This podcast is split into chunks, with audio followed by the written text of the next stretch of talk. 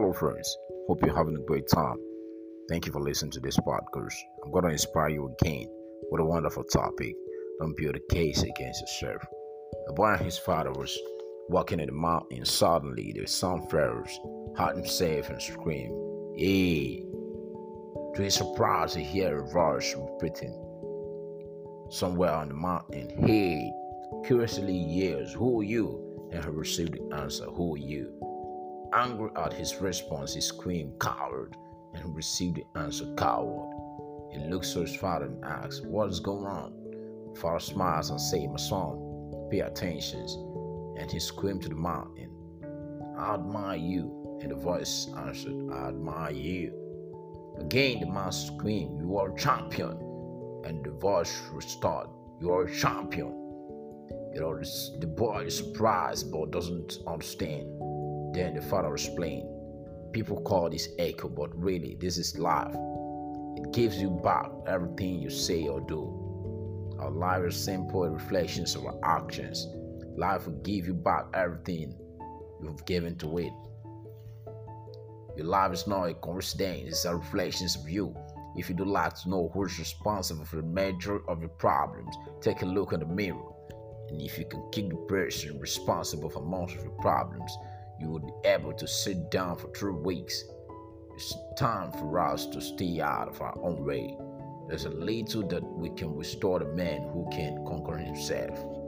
So Johnson commented, Our business in life is not to get ahead of others, but to get ahead of ourselves, to break our own breakers, to extract yesterday by our today, to do our work with more forces than ever before.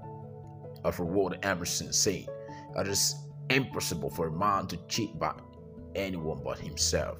Required nodded, our best friends and our worst enemies are the thoughts we have about ourselves. Proverb declared, as a man thinketh in his heart, so he is.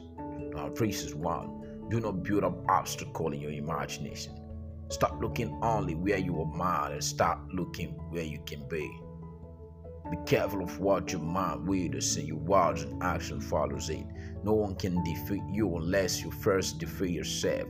Self image set the boundaries and for each of our individual compliments. We are taught to be losers when we quarrel ourselves and receive a war. If you doubt yourself, listen to his lines. Persons who doubt themselves is like a man who enlists in rank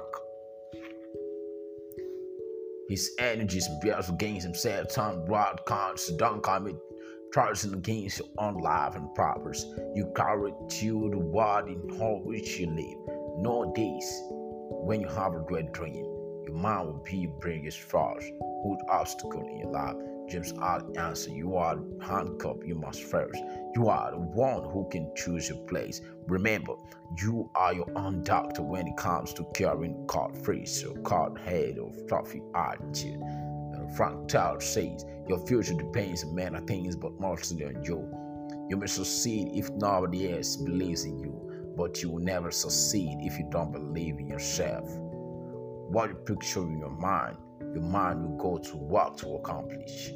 When you change your pictures, you automatically change your performance. Whatever you attach consistently to the word I am, you will become. Sure. Thank you for listening to this podcast. Goodbye. Música